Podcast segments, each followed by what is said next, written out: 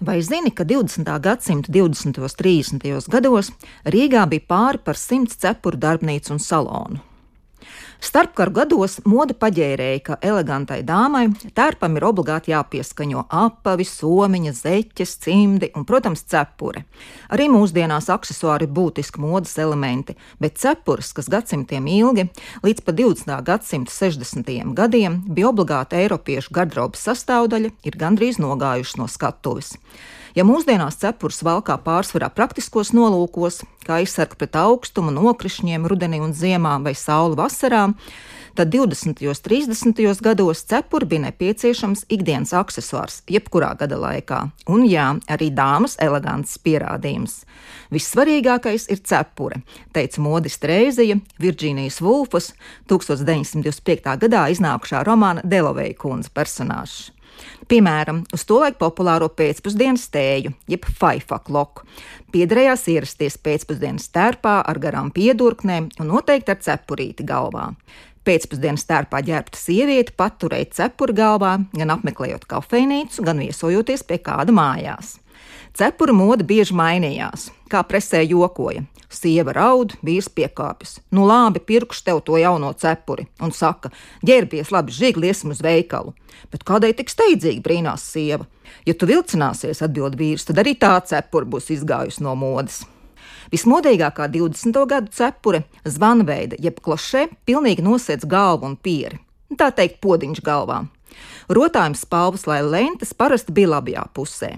1927. gadā pēc amerikāņu lidotāja Čārlza Lindberga vēsturiskā lidojuma pāri Atlantijas okeānam no Ņujorkas uz Parīzi, galvasaga modē par karstāko aktualitāti kļuva dažādas variācijas par lidotāju cepuru tēmu un rotājumu ar propelleriem vai pat veselām lidmašīnām. 30. gadu sākumā cepuru moda virzījās pa labi. Galvasagas kļuva aktuāli nesāt slīpi, pilnīgi aizsadzot sejas labo pusi. 30. gadu otrajā pusē cepures bija kļuvušas klāji dekoratīvas. Tās nevis uzvilka, bet uzlika galvām. Precīzāk uztupināja uz galvidus vai viena sāna, nosedzot vai atsedzot pieri. 30. gadu beigās cepura forma būtiski mainījās no seklajām uz augstajām. Runāja par bīskapu, torņu, pat piramīdu cepurēm. Kaut arī skanēja aicinājumi padomāt par to, ka ne viss, ko mode uzskata par pēdējo kliecienu, ir skaists, cepures turpināja cildeni tiekties augšup, savu apgāju sasniedzot pirms otrā pasaules kara. Iepazīties ar jaunāko cepuru modi dāmas varēja dažādi. Pēc aprakstiem no attēliem presē, apstaigājot cepuru salonus un veikalus vai vērojot aktuālos modeļus modes skatēs, kas regulāri notika līdz pat karam.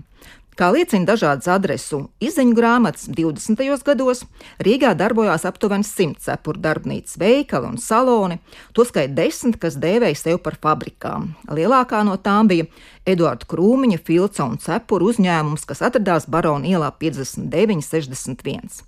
30. gados cepuru salonu skaits jau pārsniedz 130. Daudz no labākiem saloniem uzsvēra, ka tirgo no Parīzes, Vīnes vai Berlīnas vestās cepures un parasti sezonas sākumā to reklamēja presē. Rašela Rībuša vai Emma Zēne vai Emīlija Zvirbule atgriezusies no Parīzes ar jaunākiem cepuru modeļiem. Labākie saloni sezonas sākumā, pavasarī un rudenī savos salonos rīko jaunāko modeļu skates vai piedalījās lielajās modes skatēs, kur aktuālāko demonstrēja modistes apavu somu cimdu saloni. Modīgākās un kaprīzākās dāmas iepirkās pie modistes Emmas Dzenes brīvības ielā, Emīlijas Zvirbuls Elizabetes ielā, Emīlijas Jātnieks Marijas ielā, vai salonos Žermēna, Madame Lucija, Debora Levanšteina, Madame Olga, pazīstam bija arī Olga Rebāne un cepuru fabrika Daile. 30. gados Rašela Rībuša baznīcas ielā, salons Pāris brīvības ielā, Bera Dagilis. Populāra cepurnieku koncentrēšanās vieta bija nelielā kalēja iela vecrīgā, kur blakus apavu darbnīcām, frizētavām un modes preču veikaliem atradās daudz iecienītu cepuru saloni. Cepurs varēja iegādāties ne tikai specializētajos veikalos, bet arī modes preču veikalos, no kuriem lētākie atradās Marijas ielā, bet dārgākie vecrīgā, brīvības būvārī un brīvības ielā, kā piemēram Morits Feitelberga.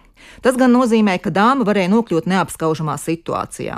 Aci pret aci ar citu dāmu, kurai taisna tāda pati cepura galvā. Tāpēc prasīgākās modes dāmas tomēr gatavoja cepurītes pēc pasūtījuma pie kādas no daudzajām cepurniecēm. Un vēl viena anekdote. Cik jums aburoša krāšņa cepurīte, vai dārgi maksāja? O, ļoti dārgi. Septiņas histērijas, trīs dziļi ģīboņi, divas sasistas vāzes un gandrīz visa tējas servīze.